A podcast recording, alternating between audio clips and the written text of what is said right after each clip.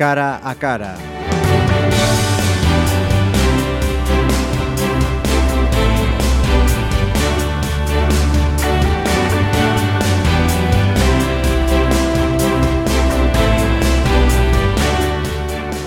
Saludos, bienvenidos a este cara a cara en el que nos acompaña hoy una mujer que si os digo, pertenece a la selección. Seguro que muchos ya se os va la cabeza al fútbol. Pues no, a la selección de la ciencia 2016.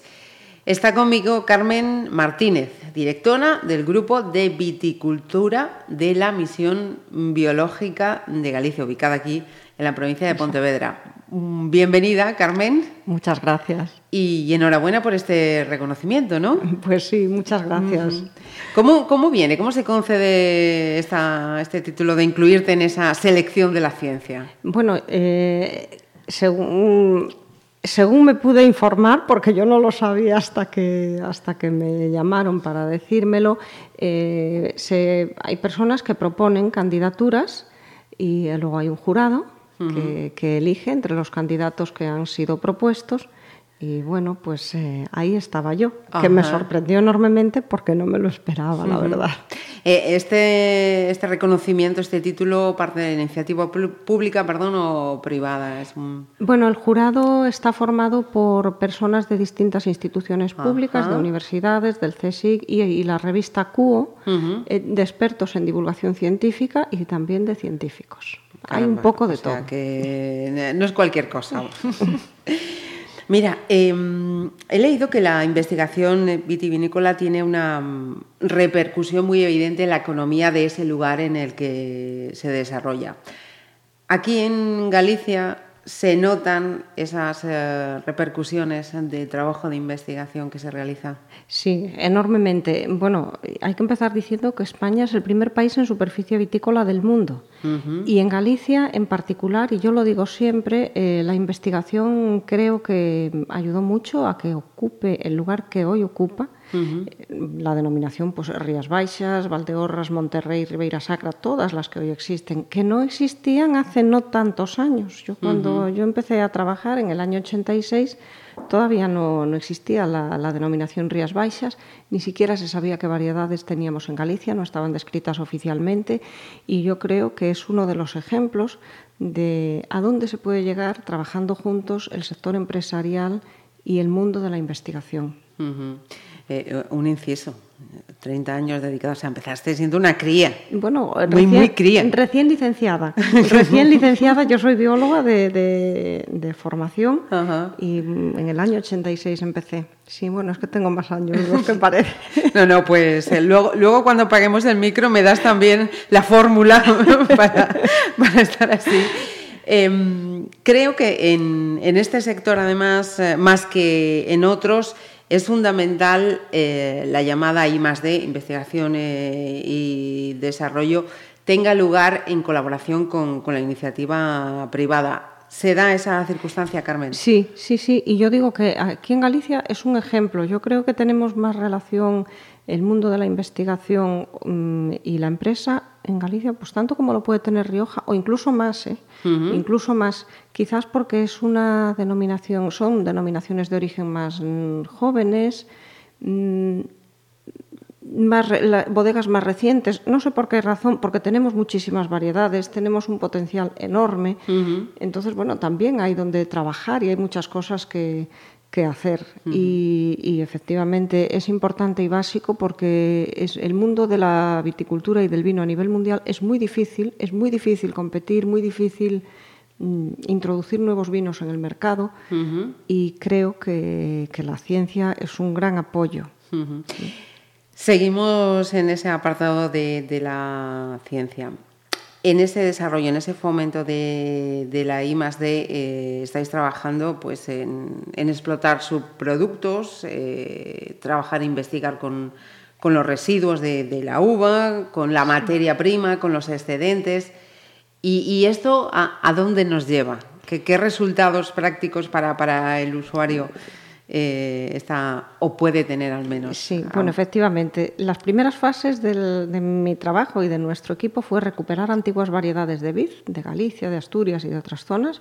Creo que eso es un tema que lo tenemos prácticamente finalizado, aunque seguimos trabajando en ello, pero ahora estamos estudiando en el tema de enfermedades de la vid, también muy importante, y en el aprovechamiento de residuos. ¿Por qué? Porque hemos visto que igual que estas variedades que tenemos aquí, diferentes, eh, producen vinos muy originales y de alta calidad, sus residuos también son muy especiales, porque tienen, por ejemplo, moléculas de interés para la salud humana, eh, porque podemos obtener productos de alto valor añadido con muchísimas y muy distintas aplicaciones y porque eh, la reutilización de esos residuos también es una manera de, de hacer más rentable el, cultivo de la vid, las bodegas e incluso es una forma de hacer una viticultura más respetuosa con el medio ambiente. Ajá.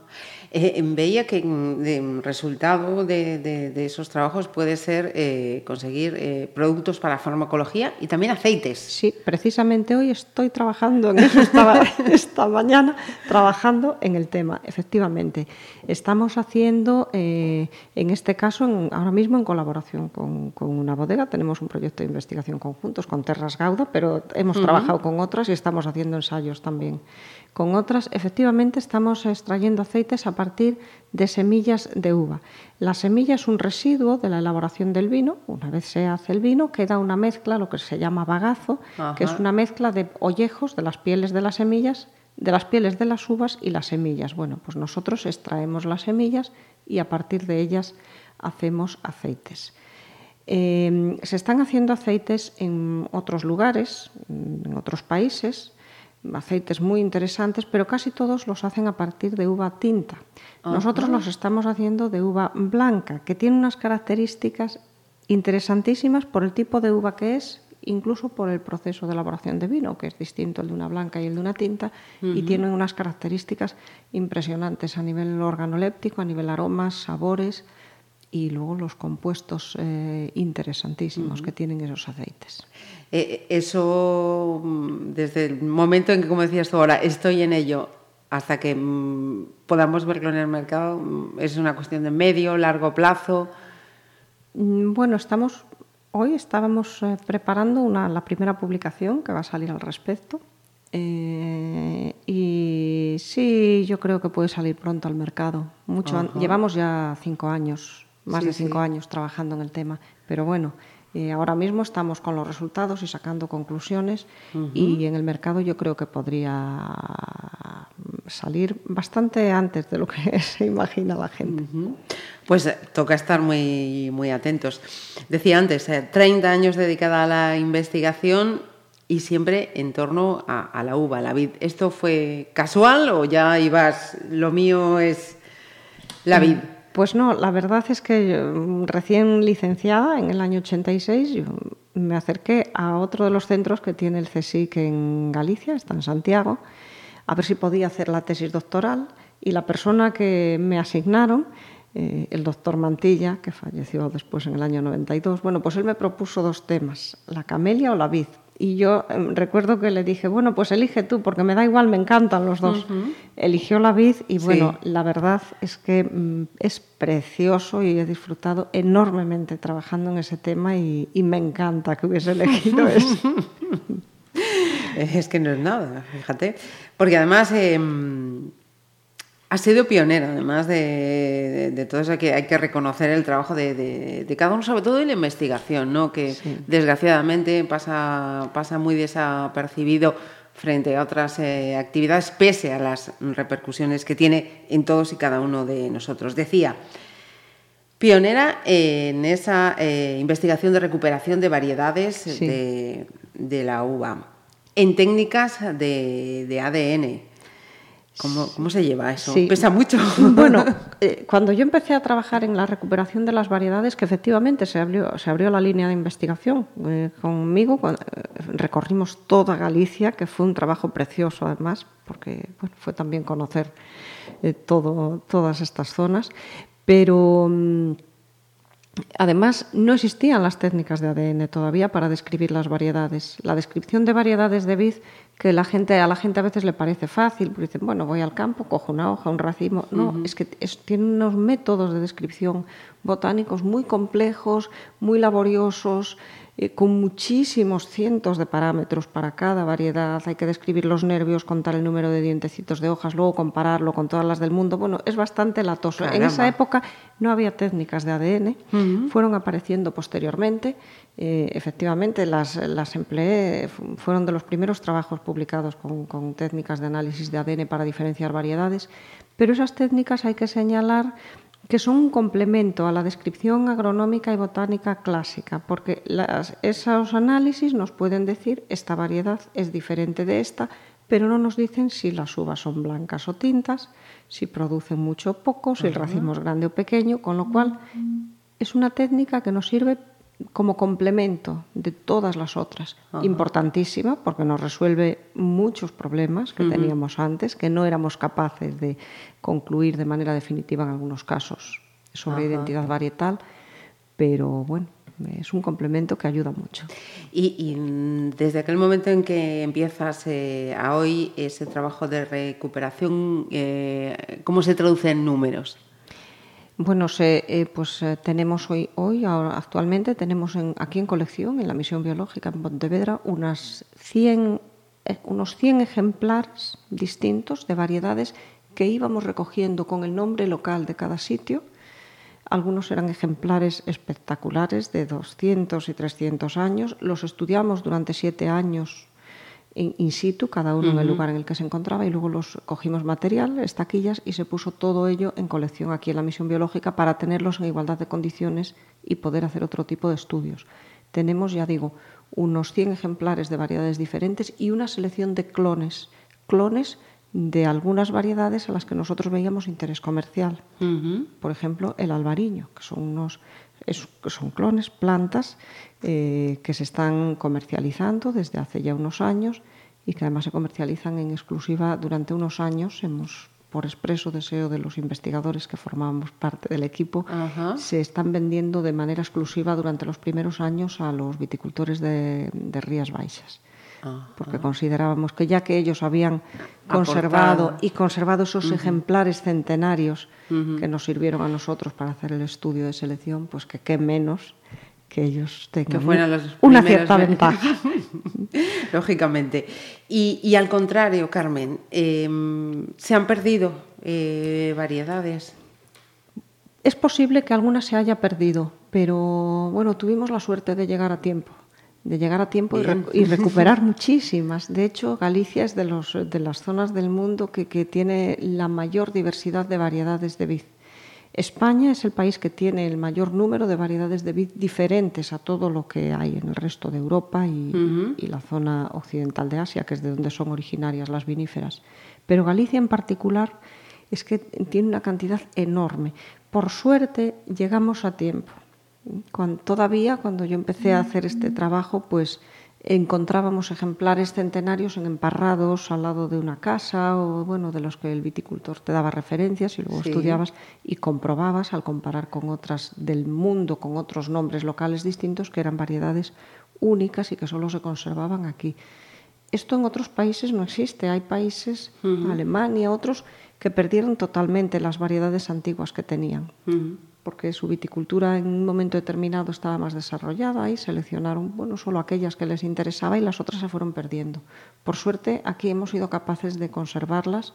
Quizás que de alguna os haya perdido alguna, pero tenemos un gran patrimonio vitícola por explotar todavía. Y por explotar sí, todavía. Sí, sí, sí, van a salir cosas muy interesantes todavía. sí.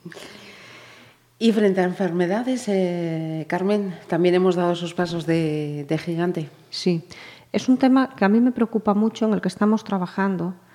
Yo lo comento a, veces con mis colegas, hablando de, bueno, pues del tema del cambio climático en el viñedo. Yo digo, bueno, nos preocupamos mucho por el cambio climático, pero en cambio no nos damos cuenta que el tema de las enfermedades de la vid, que es urgente, que están llegando muchísimas enfermedades debido al trasiego de material vegetal, bueno, también a la globalización están llegando muchísimas enfermedades, las que ya teníamos, la filosera, el oidio, el mildiu, que llegaron de América a principios del siglo XX y hoy está todo invadido. Eso supone un enorme gasto para las bodegas en aplicación de tratamientos, un enorme mm, deterioro del medio ambiente en muchos casos y es un tema en el que tenemos que trabajar y, que yo creo que, debía, deberían emplearse muchos más recursos en ese y, a veces parece olvidado yo muchas veces digo pero bueno pues el cambio climático aquí en particular todavía no es tan evidente y en cambio el tema de enfermedades es muy preocupante. Y deberíamos emplear creo yo más recursos en ello. Y sí que estamos trabajando, estamos estudiando nuestro equipo pues intentando potenciar los mecanismos que tiene la planta de defensa eh, con relación a los, a los patógenos, a los hongos que las atacan. También estamos haciendo estudios sobre razas de hongos por ejemplo, el tema del mildio, que está producido por un hongo, bueno, pues estamos viendo que no todos los hongos del mildio son lo mismo, que hay razas con distintos niveles de agresividad, que tienen mayor o menor afinidad por unas variedades y otras. Estamos trabajando en ese tema, queda muchísimo por hacer y, bueno, a mí me parece urgente y que deberíamos emplearnos más a fondo en él. Porque mm, igual la pregunta es descabellada, Carmen, pero mm, ¿podríamos encontrarnos mm, en un escenario tan tremendo, tan brutal como pudo ser la filoxera de finales del, del 19? Pues sí, sí. Todavía estamos eh, tan, tan débiles, vamos a decir. Vamos a ver, es que el problema es que aparecen enfermedades que que es que son incontrolables. Por ejemplo, los virus. Los virus eh, es que no, no hay medio de luchar contra ellos, no hay ningún producto fitosanitario capaz de luchar contra los virus y cada vez aparecen más enfermedades víricas que atacan a la madera de las plantas o, que atacan directamente a las plantas, que a veces en los viñedos pues tienen muy buen aspecto y en, en un año o dos pues se van empiezan a morir cepas en rodales y hay que sustituir esas plantas, desinfectar el terreno y no siempre es posible porque no hay métodos curativos. Eh, en el caso de los hongos es más fácil porque hay determinados tratamientos fitosanitarios bastante eficaces para el mildio, la botritis, eh, el oidio, pero bueno, supone un coste enorme, un coste económico y ecológico. O sea que es un tema en, el que hay que insistir. Hay que insistir y hay que trabajar.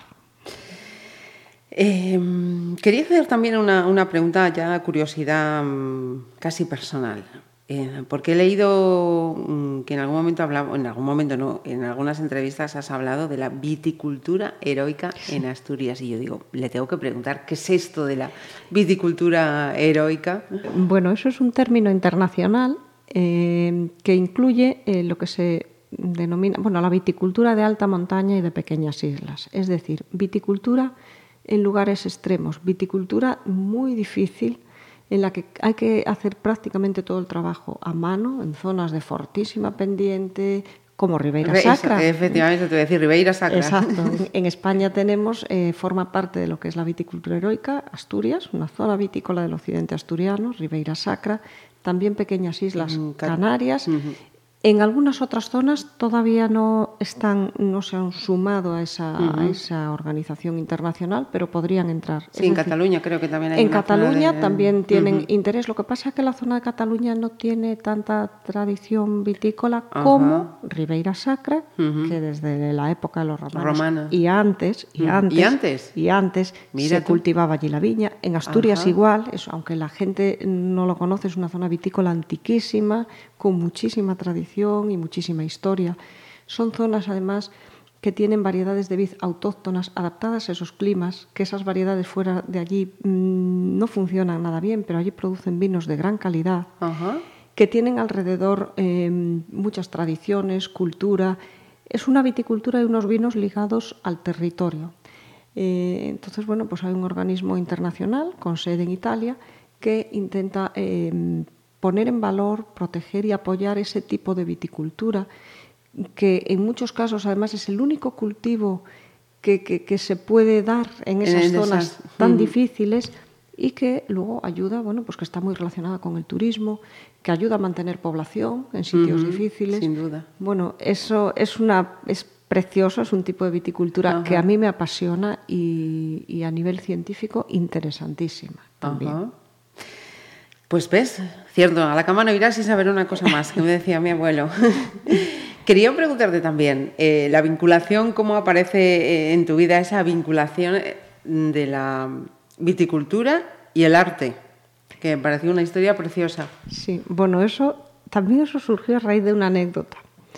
Que, bueno, yo estaba tomando muestras de una cepa de estas centenarias aquí en Galicia, en una casa parroquial. Y estábamos subidos a una escalera cogiendo hojas, salió la hermana del párroco, del párroco, una señora ya mayor, y nos decía, ¿qué hacéis ahí cogiendo esas hojas ahí subidos en esa planta, en esa parra? Y le decíamos, no, es que, es que somos expertos en las variedades de vid, nos interesan las hojas. Y ella insistía, si eso no vale para nada, aquí los que veñen da universidade veñen a ver os retablos. bueno, tanto insistió que al final dijimos, bueno, pues vamos a ver el retablo. Uh -huh. Entonces, mm, al entrar a ver los retablos, había dos y, y, yo vi que uno de ellos tenía las hojas y los racimos exactamente iguales que los que yo estaba cogiendo, cogiendo fuera, fuera, hojas. Entonces, a partir de ese momento, mm, yo me iba fijando en las hojas y retablos mm, barrocos, cuyo motivo decorativo es la vid, Ajá. Y veía que había algunas que tenían unas hojas tan perfectas, porque yo las conocía bien, porque uh -huh. llevaba años trabajando sí. con ellas, que, que solamente era posible que el, que el artista las reprodujese con tal perfección si tenía un modelo delante. Entonces, bueno, pues mm, fui tomando datos durante muchos años y, eh, bueno, pues, cuando ya ha pasado el tiempo, planteé eh, el inicio de una tesis doctoral al respecto, que consistió en hacer un estudio de hojas y racimos de retablos barrocos de todas las zonas vitícolas de Galicia, incluimos también Asturias, y las tratábamos como si fuesen plantas de madera igual que en las cepas originales, que las cepas reales, uh -huh. hacíamos fotografías de las hojas y luego a través de análisis de imágenes medíamos una serie de parámetros y las comparábamos con las reales, hojas y racimos. Bueno, pues de esta manera fuimos capaces de identificar la loureira, el albariño, eh, la variedad tinta castañal de la zona de, del sur de la provincia de Pontevedra o la variedad eh, albarello de la zona de, de Ribeira Sacra. Esto nos permitía además demostrar que ya en el siglo XVII, la época en la que se hizo ese retablo, esas variedades existían, existían. aquí porque con muchas de ellas hay controversias sobre el origen, se discute entre regiones dentro de un país y entre países, uh -huh. sobre si esta variedad es de aquí o es de allá, uh -huh. o su origen lo tuvo aquí o lo tuvo allá.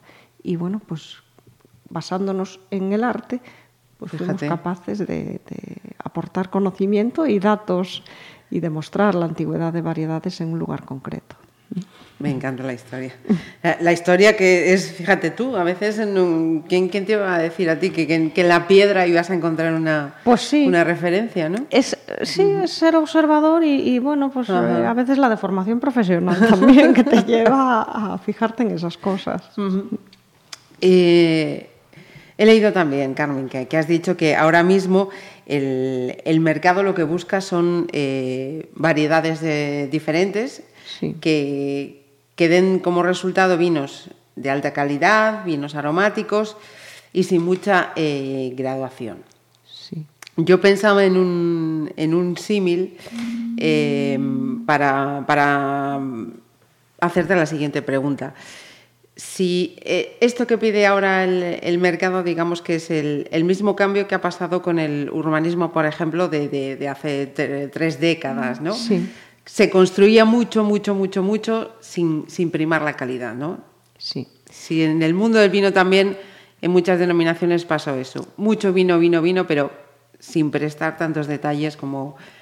Y demanda, exigencia, como sí, se puede demandar ahora. Sí, fue una cosa generalizada en muchas zonas eh, de España y en muchos otros lugares.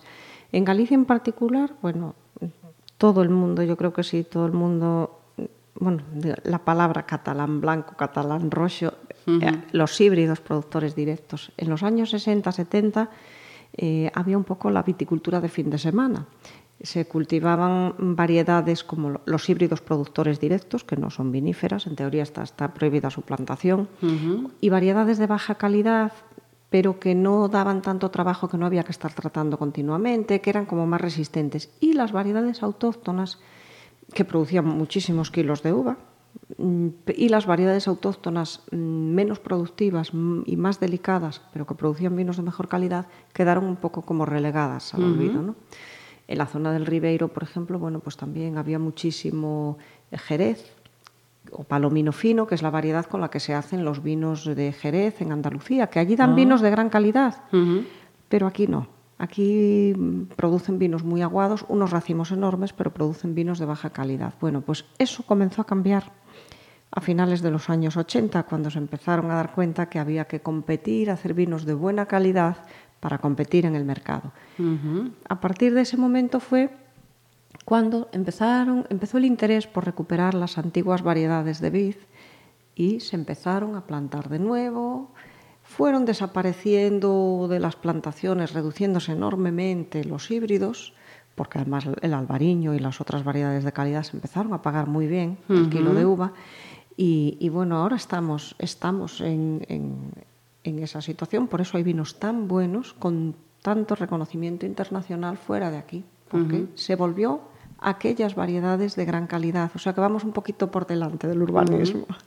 Y, en, un laboratorio, Carmen, em, se ve el vino, mm, vamos a decir, de una forma diferente al que lo ve el, consumidor, en el sentido de que vosotros os tenéis que anticipar a lo que pide el consumidor o vosotros tenéis que acondicionar, vamos a decir, ese vino final que pide el mercado a, lo, que, a lo que hay.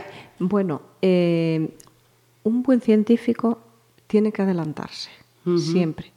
Tiene que estar muy bien informado. Es que no solo es estar encerrado en un laboratorio, hay que estar informado de lo que ocurre, de las tendencias, de los mercados, de lo que están haciendo en otros países. Tienes que adelantarte a la problemática que se puede producir dentro de unos años y más en el campo del vino, porque los ensayos y los estudios sobre viticultura son lentísimos. Yo cualquier tesis doctoral, cualquier trabajo de investigación que quiero plantear sobre la planta de vid, tengo que tenerlo previsto cinco años antes, por lo menos, porque desde que plantamos una cepa hasta que empieza a dar frutos y tiene la, poda formada son cinco años como mínimo, con lo cual hay que em, planificar los trabajos con mucha antelación.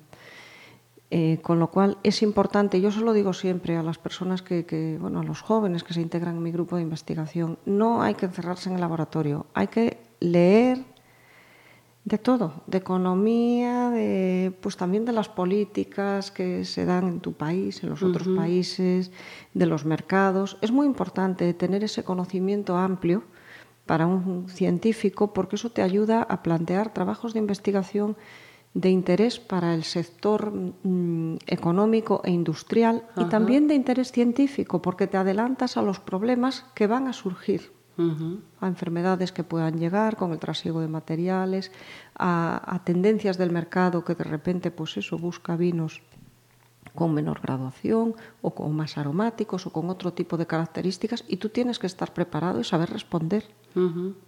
Qué curioso. Antes de terminar, Carmen, em, quería que fuésemos a la literatura.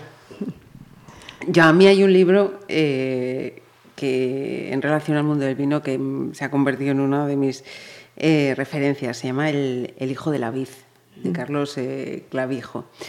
No sé si has tenido ocasión de leerlo, pero también quería que nos dieses alguna recomendación, que me has dicho antes que te gusta mucho la, literatura. Sí, bueno, ese libro no lo he leído, pero sí, me encanta leer. Es, uno de mis vicios. Yo le quito horas al sueño para leer, me encanta. Y sí, hay buenos, hay buenos libros, eh, novelas sobre, sobre el vino. Yo leí últimamente pues, la de la templanza, otra de Noah Gordon, eh, también. Y, son, a mí me encantaron porque además eh, son libros, bueno, pues que cuentan la historia de una forma bastante rigurosa y que ayudan a entender a la gente la problemática que se produjo con la llegada de la filosera o, cómo se fueron desarrollando zonas vitícolas, como en el caso de la templanza en Jerez. Mm, bueno, es, eh, es una manera de, de, entender este mundo mm, de una forma amena y además es que el mundo del vino está muy relacionado con muchísimas cosas, con la cultura, con la tradición, con la literatura, con el arte, con, muchas cosas. Es de los pocos cultivos que tienen ese tipo de relación y por eso también es, tan bonito. Pero sí, hay, bastantes novelas al respecto y luego hay libros técnicos también muy interesantes y, y muy amenos de leer, por ejemplo, libros de cata eh, yo, recuerdo cuando empezaba en este tema que me leí el libro este El gusto del vino de Milpino, que me encantó. Es un libro bastante técnico donde explica pues, pues eh, en qué consiste la cata de un vino, cómo llevarlo a cabo, cómo entrenarse. Y a mí me encantó. Además, lo leí en francés porque todavía cuando yo empecé no, no estaba traducido. Mm, ahora sí a que ya- castellano. Sí, ahora está ya eh, traducido. Me sirvió también para aprender eh, francés. Caramba. Y, y, bueno, iba traduciendo, luego estuve, estu- porque luego estuve en Francia y... Pero me encantó la forma tan bonita en la que describía la cata y a la vez tan técnica y tan rigurosa. Ajá.